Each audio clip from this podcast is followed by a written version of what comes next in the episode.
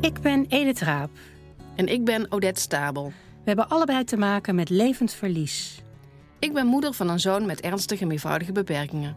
En ik vertel daarover in mijn boek Een kind met kansen. Ik vertel aan studenten over levend verlies als docent ouderbegeleiding aan de Hogeschool Utrecht. Levend verlies. Steeds terugkerende gevoelens van verlies, verdriet en rouw van ouders met een kind met een beperking of chronische aandoening.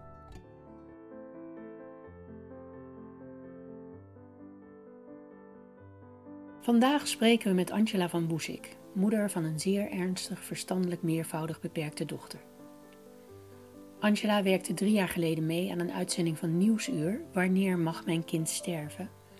Over het lijden van kinderen zoals haar dochter. Het lijden kan zo erg zijn en de kwaliteit van leven zo slecht dat de vraag opkomt of je deze kinderen niet moet kunnen laten sterven. Maar daar is bij deze wilsonbekwame kinderen geen wet en regelgeving voor. Haar dochter Meira overleed in oktober 2017, bijna 14 jaar oud, uiteindelijk aan versterving. Het niet meer eten en drinken. Het verdriet is bij Angela heel dichtbij. Pas geleden besteedde Nieuwsuur opnieuw aandacht aan het onderwerp. En dat is nu natuurlijk weer hè, met de laatste uitzending van, uh, van Nieuwsuur, dat dat eigenlijk weer aan de orde kwam. En de, de, manier van sterven ook, wat dan dus ja, eigenlijk bij deze kinderen de enige mogelijkheid dan, uh, dan is. En wat een hele nare manier van, uh, van sterven is. Want uiteindelijk is Meira dus ook op die manier moeten sterven. Hè, door te, ja, te, te versterven. Maar dat is gewoon mm -hmm. eigenlijk uitdrogen en uithongeren om het heel uh, plastisch uh, te zeggen. Dat, dat moet er dan gebeuren met zo'n lichaam.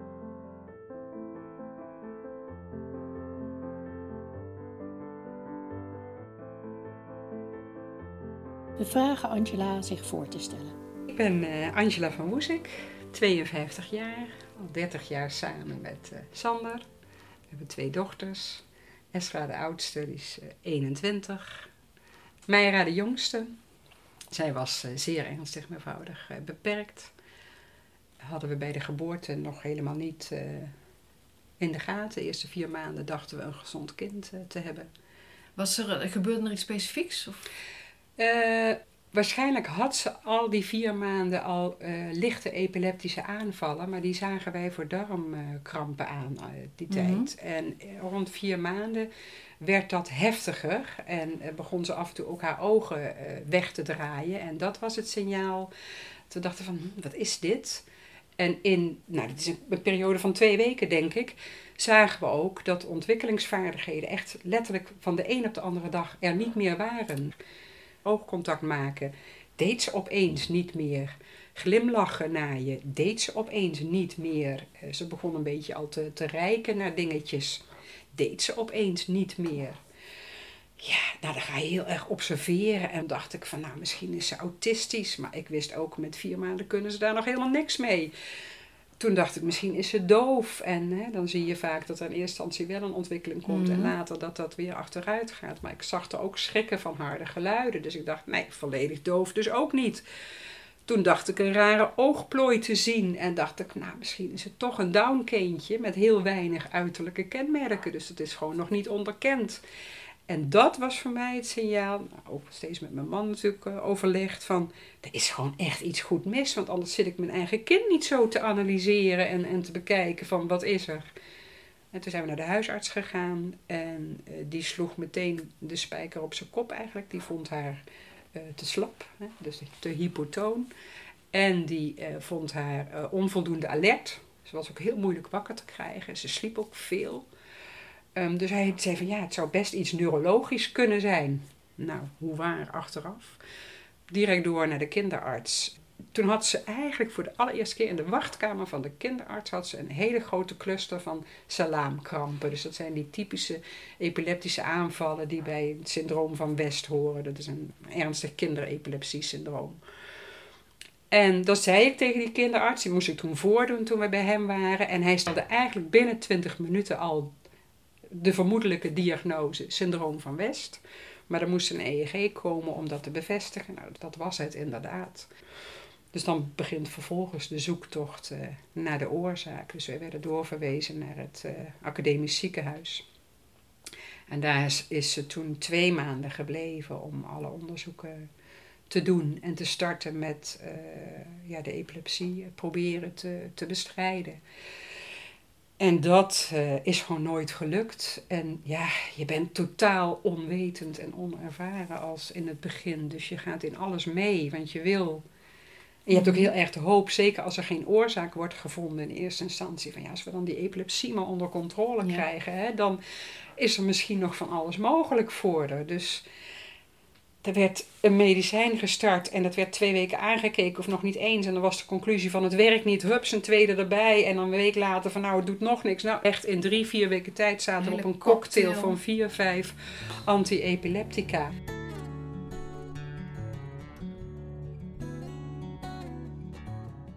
Hey, en na die twee maanden kwamen jullie weer thuis met die cocktailmedicijnen. Ja, ja. En hoe heeft zich dat toen verder ontwikkeld? Nou ja, met cocktailmedicijnen en met een kind wat 24-7 om de haverklap epileptische aanvallen had. Want het was gewoon totaal niet, uh, niet onder controle. Um, dus het was zeker die eerste jaren nog heel vaak toch weer terug naar het ziekenhuis, omdat dan de aanvallen te heftig waren. We hadden wel ook uh, een medicijn meegekregen om die aanvallen af te breken. Dus dan kun je haar snel in slaap brengen. Dat moesten we ook, nou ja, soms een paar keer per dag geven, soms één, twee keer per week. Ja, dat, dat varieerde wel, maar... En dat deed haar ook weer geen goed natuurlijk. Dat maakte ook dat ze achteruit ging. Um, het waren hele hectische jaren waarin niks gepland kon worden eigenlijk, of nauwelijks. Het enige wat ons toen wat rust heeft gebracht, is dat we haar vrij snel uh, ook hebben laten logeren waar ook kinderverpleegkundigen werkzaam waren. Dus dat we het, gevoel hadden van nou daar wordt er goed voor haar gezorgd. Dat waren de rustmomenten. Dat waren ook de momenten dat we wat extra tijd en aandacht aan Esra konden besteden en dingen met haar uh, konden doen. Um, en ook uh, aan onze relatie een beetje toekomen. Ik denk dat het logeren ook onze relatie eigenlijk wel heeft gered. Dat we anders ook het samen niet hadden getrokken. Um, dus dat is gewoon heel belangrijk voor ons geweest. Die, toen heeft ze zich ook nog wel een heel klein beetje ontwikkeld in die eerste jaren. Tot, mhm. tot onze verbazing eigenlijk ook wel. Dat ze toch nog leerde om zelf uit een uh, flesje te drinken. En het was niet echt drinken, maar dan beet ze op een hele grote speen met een groot gat. En dan kon ze op die manier zelf, uh, zelf drinken. Ze leerde om te rollen. Ze, uiteindelijk kon ze ook nog zelf gaan zitten en weer gaan liggen. Enigszins gecontroleerd uh, ook nog wel. Um, maar ja, dat was het. Het was verder een ernstig, zeer ernstig gehandicapt kind, lichamelijk en verstandelijk. Ze functioneerde op een niveau van een maand of drie, vier mm verstandelijk. Lichamelijk dan ietsje verder, tot ja, een maand of zeven, acht. Volledig incontinent, hè, luiers, uh, ja, alles moest je voor haar doen en met haar doen en, en voor haar ook plannen en, en organiseren. Alle hulpmiddelen kwamen in huis. Rolstoel, binnenstoel, hooglaag bed, hooglaag box, uh, hooglaag bad, aankleedtafel, tillift, ja noem maar op. Alles neemt eigenlijk je hele huis uh, zo'n beetje over. PGB'ers in huis. Uiteindelijk hadden we een team van uh, zes of zeven PGB'ers die na de dagopvang dan haar kwamen verzorgen. En die tot acht uur s'avonds bleven. Dus die eten met je mee. Die zitten echt in je hele gezinsleven.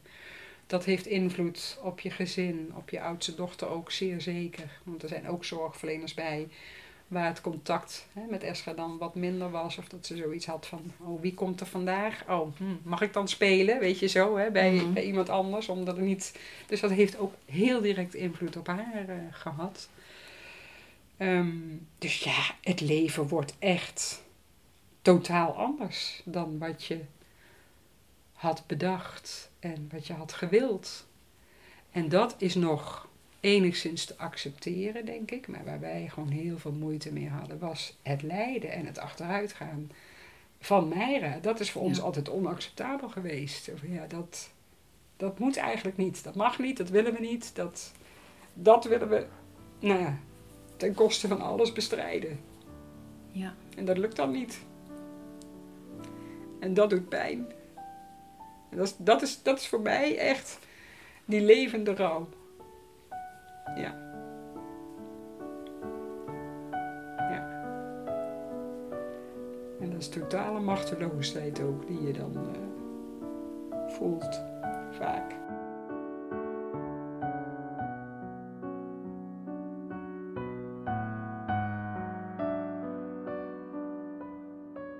Kom je ook tegen dat je dat uh, ook allebei anders uit. Hè? Mijn man die werd boos hè, van, van, van onmacht. En ik werd verdrietig van onmacht. En dat snapten we niet van elkaar in het begin. Ja, waarom word je nou boos? Wat heeft dat nou voor zin? Zei ik dan tegen hem. En dan zei hij van, ja, waarom word je nou verdrietig? Wat heeft dat nou voor zin? Dat lost ook niks op, weet je. Nou ja, dat. En daar hebben we echt ontzettend aan moeten werken. Omdat... En je zei in het begin, dus je hebt daar wel, dat is dan wel gekomen dat je dat ging zien van elkaar. Ja, maar daar hebben we wel hulp bij gezocht. Ja, we hebben echt uh, allebei uh, individueel uh, therapie gehad bij, bij een psycholoog, gesprekken bij een psycholoog en samen omdat, ja, om dat te snappen van elkaar en een beetje op een rijtje te, te krijgen. Ja. En dat is,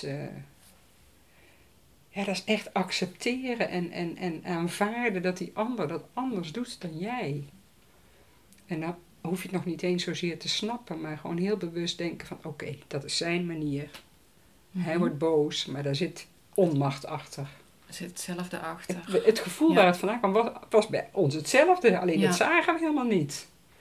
Ik zag alleen die boosheid en hij zag alleen dat verdriet van mij. En ik dacht van ja. En dat, uh, maar het, ja, de oorsprong was hetzelfde. En dat, dat beseften we uiteindelijk gelukkig allebei. En dan, dan weet je ook van oké, dan is het ook goed als het mhm. daar vandaan komt. Want dan, dat verbind je dan.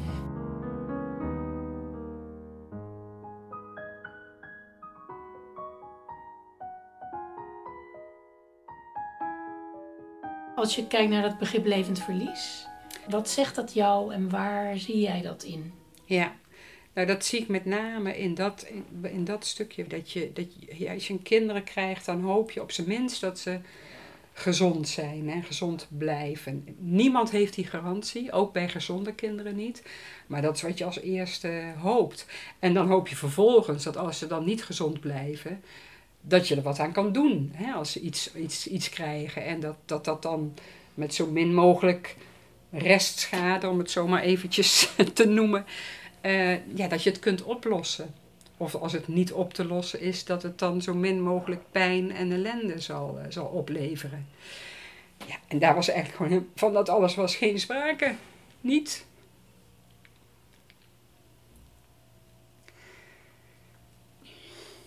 24 uur per dag um, epileptische aanvallen. Altijd. Ja, daar wen je aan. Dat is het stomme als ouder ook nog. Dat je dan, hè, dus heeft aanvallen gehad na verloop van jaren. Ja, daar keek je dan niet eens meer van op. En, als, en dan had ik heel af en toe, had ik dan wel, eh, ging ik erover nadenken. En dan dacht ik van, als je dat nou afzet tegen een gezond kind dan is dit gewoon niet acceptabel. Gewoon niet. Nee. Maar het is er. Ja, hoe dan? Hoe? Hoe moet je daar dan mee omgaan? Nou, dat vind ik, hè, dat, dat is dat stukje verschil, denk ik, tussen levende rouw en rouw. Dat was echt de pijn die je voelde om haar, voor haar.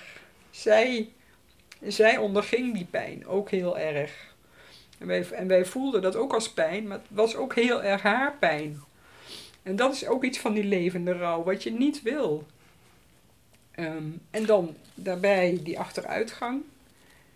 Dat je weet dat door die epilepsie en door al het andere wat er dan op het pad komt van zo'n kindje, dat ze daardoor achteruit gaan. En dat dat, mijn man kon dat zo mooi zeggen, van ze leidt, het lange ei, maar het leidt met korte ei nergens toe.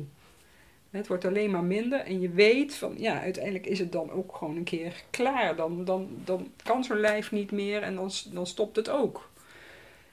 Ja, en moet dat dan tien jaar duren? Moet dat dan twintig jaar duren? Moet je dat rekken? Om wat voor reden dan ook? Ja, voor ons was heel erg de conclusie van ja, als we dat dan rekken, doen we dat niet voor haar. Maar dan doen we dat puur voor ons. Dat wij willen dat ze blijft. Ja, voor ons voelde dat heel egoïstisch. Maar je wil ook je kind behouden. Je wil je kind niet je, bij je houden eigenlijk. Maar ik denk, nou ja, toen mij een jaar of acht, negen was, kwam bij mijn man al eerder hoor, maar toen kwam bij mij wel heel erg het gevoel van, ja, ik hoef haar niet bij mij te houden.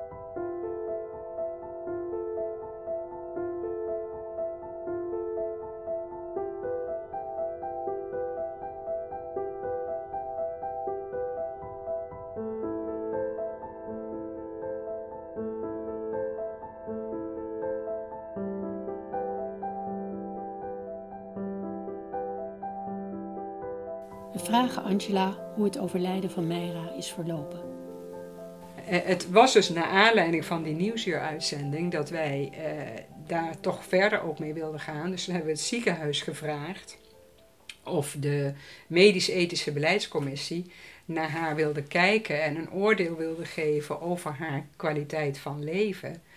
En wilde, eh, ja, uitspraak wilde doen over van ja, wat is er nou wel of niet mogelijk om, om haar, uit haar lijden te, te, te kunnen halen.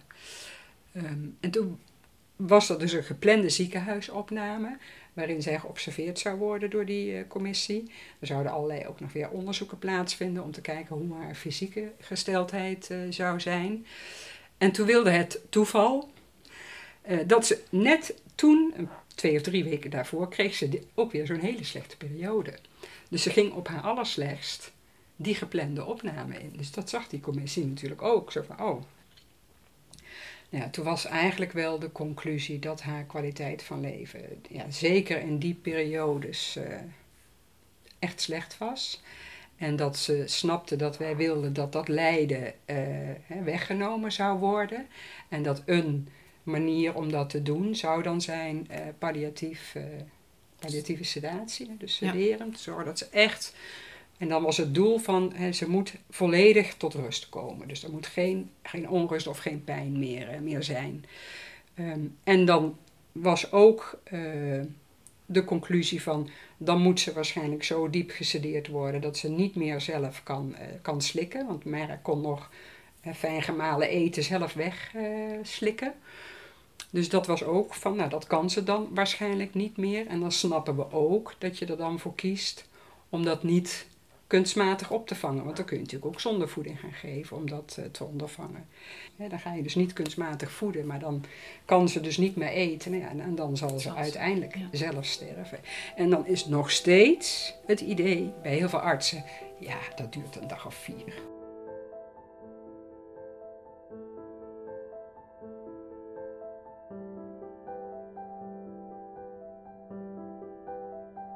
Meira overlijdt uiteindelijk na tien dagen aan versterving. Ze werd palliatief gesedeerd. En dan zeggen heel veel artsen eh, nog steeds van ja, maar we hebben kunnen palliatief sederen. En dan, dan merkt je kind daar eigenlijk helemaal niks van. Ja, we hebben gewoon een hele andere ervaring. Omdat Meira ook en veel van deze kinderen zijn hun leven lang al zo vaak eh, gesedeerd. Dat het niveau waarop je moet beginnen met sederen al vele malen hoger ligt dan bij kinderen die nog nooit gesedeerd zijn. En dat beseffen artsen lang niet altijd. Dus ze beginnen op, het, nou ja, op hetzelfde niveau eigenlijk als, als bij, bij andere kinderen. En dan merken ze langzaamaan van, ja, dit werkt niet voldoende. Ze is nog steeds bij. Ze was na, na dag zes was, kwam ze nog steeds af en toe overeind. En, en merkte hij dat ze ergens last van had. En, en was ze zich bewust van aanrakingen. En dat, je, dat ik tegen de arts zei, de huisarts zei van, ja, ze is gewoon nog niet voldoende gesedeerd. En waarop die arts antwoordde van, ja, maar ze krijgt nu net zoveel als ik normaal bij hè, obese volwassen mannen geef. En die zijn gewoon volledig onder zeil. Die zijn al subcomateus. Ja, dat zal. Ik zeg, maar je ziet het nu voor je ogen. Het is niet zo bij mij. Ze heeft gewoon veel meer nodig. En daar ligt vervolgens de angst bij artsen. Dan moeten ze dusdanig veel gaan geven, dat het dan eigenlijk actieve euthanasie gaat worden. En dat heeft mede te maken met het feit dat ook bij Meira bijvoorbeeld, er was op dat moment geen onderliggende ziekte waaraan zij eh, zou kunnen sterven. Hè. Dus haar, haar longen, haar hart, haar nieren, lever, dat functioneerde op dat moment allemaal gezond. En was jong, 13 jaar oud. Dus dat geeft ook niet zomaar op. Nou ja, en dan is dus de optie omdat ze niet die hoge eh, sedatie mogen geven. dat ze dan moet uithongeren en uitdrogen. En dat heeft bij mij raad 10, 11 dagen geduurd. En dat lijkt me heel verschrikkelijk, omdat... Ja. Ja, je zit ernaast. Ja. En je ziet dat lijfje steeds meer in... Echt interen. Het is echt interen. Ja. De botten worden gewoon steeds zichtbaarder. Het is, ja, het is echt... Uh, het is afschuwelijk. Ja.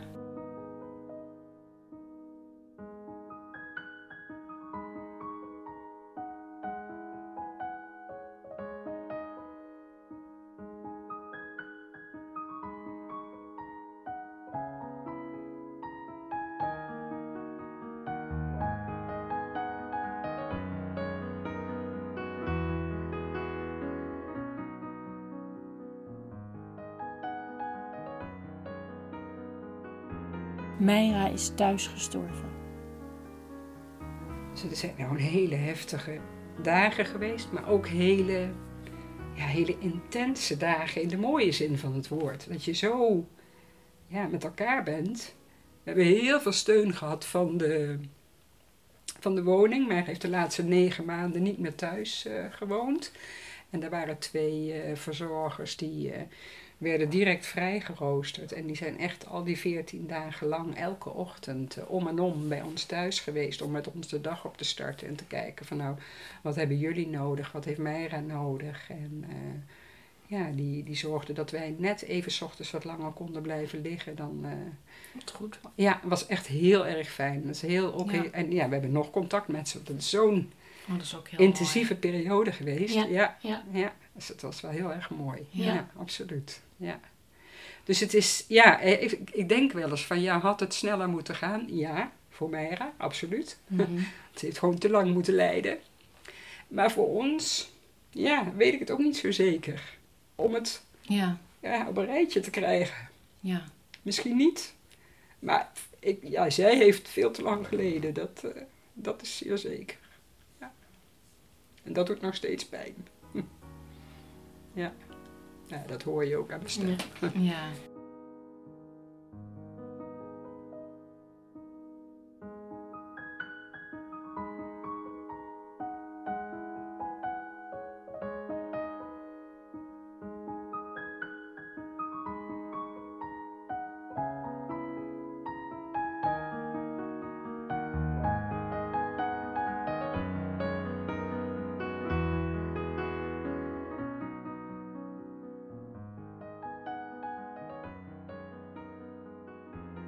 Meira is nu twee, ruim twee jaar geleden overleden, hè? Mm -hmm. Ruim twee jaar en een paar weken. Ja.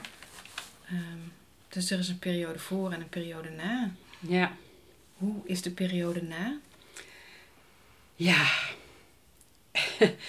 Je hebt weer een heel ander leven. Het is echt weer bizar eigenlijk. Ja, het is, het is, het is van de ene kant een heel stuk makkelijker in praktische zin. Ja, je kunt gewoon gaan en staan waar je wil. Ja, dat is iets ongekends. dus dat geeft heel veel rust, heel veel uh, stukje vrijheid. Um, ik, de, de pijn die ik voel, kan ik uh, beter accepteren dan die pijn van bij leven. Omdat je eigen pijn is. Ja, dat. Wetende dat zij uh, ja, niks meer hoeft geen pijn meer heeft, geen epilepsie meer heeft. Ja, dat is gewoon heel fijn. Um, ik, wat ik heel moeilijk vind voor mezelf is, uh, ik ben niet gelovig, ook niet heel spiritueel geloof ik, dus ik worstel met de vraag van, is ze nog ergens of niet? Waar dan? Dat vind ik heel moeilijk, Die, daar, daar worstel ik wel, uh, wel een beetje mee. Um, maar ik, ik kan, ja, het, en het fysieke gemis, dat, je bent zo lijfelijk in contact met, met, kind, met een kind als. Dat mis ik ook. Ik, dat lijfje ken je van haver tot gort, omdat je dat ja, 14 jaar lang dag in dag uit uh, verzorgd hebt. Dus dat mis ik.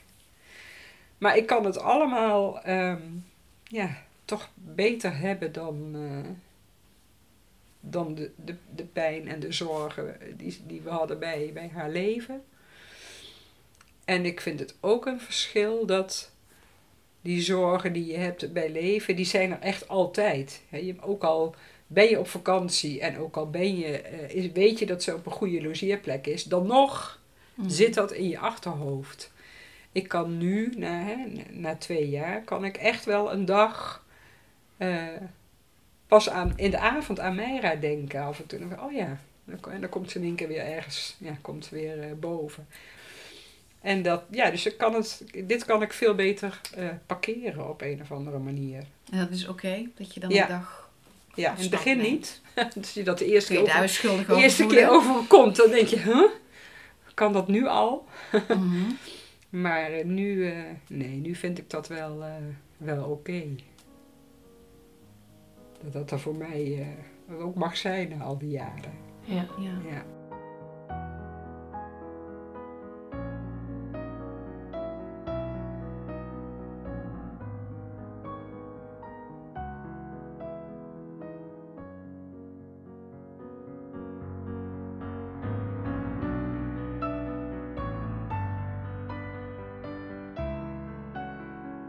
Angela werkt tegenwoordig als co-piloot vanuit de beweging We zien je wel. We vragen haar wat We zien je wel is en wat een co-piloot doet. Wij zien je wel is een beweging die is eigenlijk gestart eh, vanuit een ouder met een kind als, eh, die eh, zeer ernstig verstandelijk be- beperkt is, meervoudig beperkt is. Ehm, zij vond dat de zorg voor deze kinderen onvoldoende is, dus ze is gaan roepen en uiteindelijk doorgedrongen tot eh, het ministerie van VWS.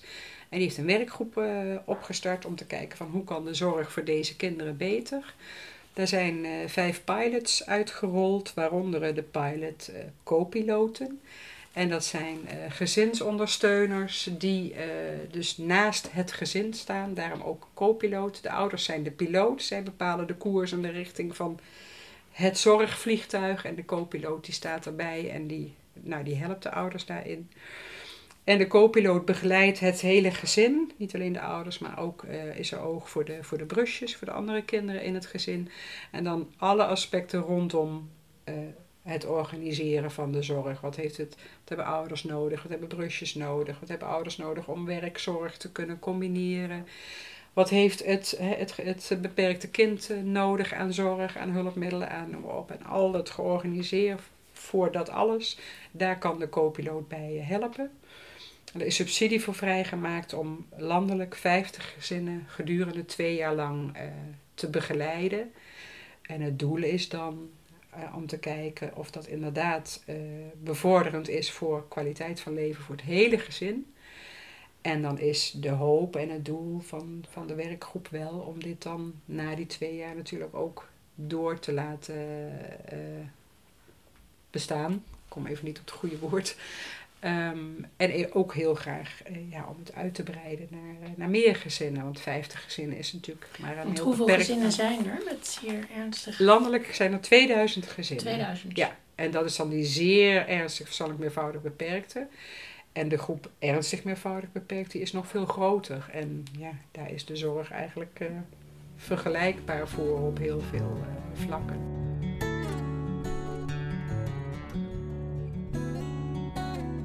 Eh, waar ik heel concreet bij een aantal gezinnen mee bezig ben geweest, is de meerzorgaanvraag bovenop het gewone PGB-budget. Dat is een aspect wat, wat bij veel gezinnen speelt en wat een, behoorlijk hels eh, traject is om dat eh, in te moeten gaan. Eh, dus dat, dat speelt bij veel gezinnen. Ehm, nou, wat ook speelt is inderdaad het georganiseerd krijgen van de zorg thuis eh, voor je kind. Dat is helaas op het moment steeds lastiger voor, eh, voor veel ouders. Dus daar zijn we als co-piloten ook veel mee bezig. Maar ook een stukje eh, ja, emotionele ondersteuning. Van nou, wat doet dit nou met jullie eh, als, als, als echtpaar, als gezin? En wat hebben de, wat ik net al aangaf, moet er ook iets gebeuren voor de, voor de brusjes, dat die ondersteuning krijgen. Dat bespreek ik ook wel met, Mhm.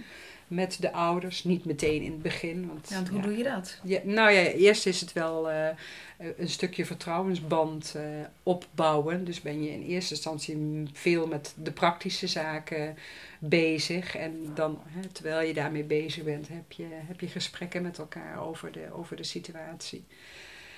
En dan, eh, dan vertel ik ook wel over, eh, ja, over onze thuissituatie, hoe, hoe wij erin stonden en wat wij hebben al dan niet hebben gedaan. En Mhm. nou ja, dan merk je ook wel dat je in die zin wel eh, ja, ook een band hebt op een bepaalde manier hè, met, eh, met de ouders. En dat je dan misschien soms ook wel net, eh, ja, net wat meer kan zeggen, omdat ze weten van ja, jij hebt, het, jij hebt het ook meegemaakt. Jij weet hoe het voelt en jij weet hoe het voelt om iets wel of niet te beslissen, hè, iets wel of niet te doen. En eh, ja, ik heb wel het idee dat dat eh, heel fijn is voor hen en, en voor mij ook, om dat stuk in te kunnen brengen. Ja.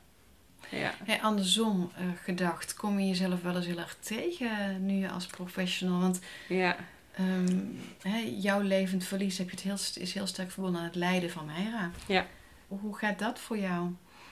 En dan bedoel je voor mij persoonlijk, hè? Ja. Lukt het je om je eigen... eh, Ja, ik kan het. Ja, dat, dat, dat valt me heel erg mee. Dat ik dat. eh, dat ik, dat ik het heeft misschien ook, dat zei laatst een collega co-piloot ook tegen mij. Zo van ja, maar je merkt aan jou, zei ze tegen mij, dat jij al een zorgprofessional bent geweest ooit. Je bent natuurlijk logopedist Ja. geweest, dus dan ben je ook een zorgprofessional. Ehm, ik heb het gevoel dat ik, dat ik inderdaad nu echt als professional eh, bij die gezinnen binnenstap. Ik zit nu best veel met tranen in mijn ogen en, en hoor je ook in mijn stem in dit eh, gesprek. Maar dat heb ik bij de gezinnen eigenlijk nog bijna niet gehad. Ehm, omdat ik me daar echt bewust ben van, ik ben hier als professional en eh, ik, ja, ik probeer dat, daar heb ik wel een soort van schild. En ik wil dat Mhm. ook niet te dik en te hard maken, dat schild, want dat, dat is juist ook het stukje wat ik extra kan brengen. Dus dat is een soort van constant voelen en, en nou ja, wat laat ik toe en wat laat ik niet eh, toe en wat laat ik zien en wat laat ik niet zien. Ehm, maar dat lukt eigenlijk nog heel erg goed tot nu toe. En ik- er zijn wel momenten geweest dat ik echt iets dacht van, oh, wow. dat ik heel erg moest slikken, zo van, poeh. Maar dat is ook prima. Ja. En dan heb ik het daar thuis met, eh, met mijn man over. En dan, eh, dan is dat ook goed.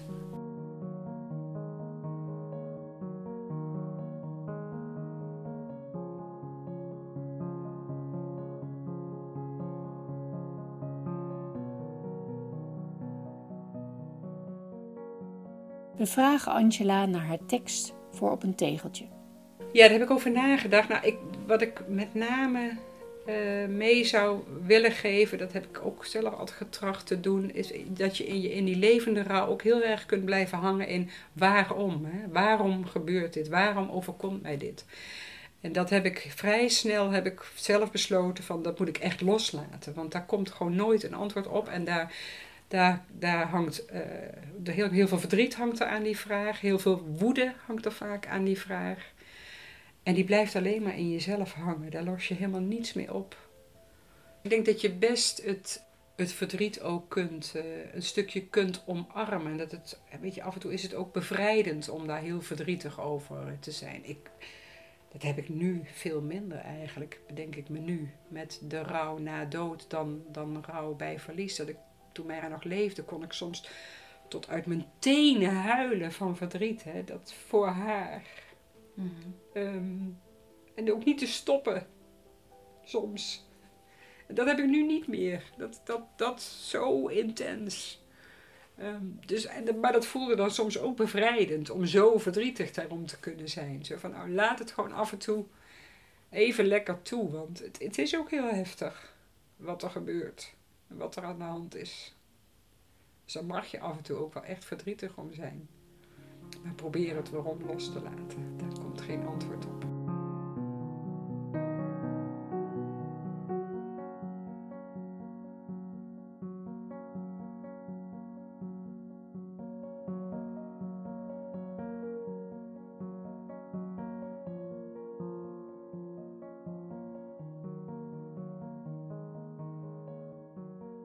Dit was een gesprek met Angela van Woesik, aflevering 11 in de podcastserie Levend Verlies. Volgende maand praten we met Arthur Veen, vader van een 32-jarige zoon met autisme. Tot dan.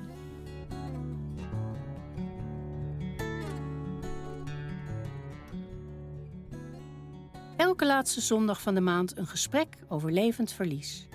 Ik ben Odette. Ik ben Edith. Abonneer je op onze podcast levend-verlies.nl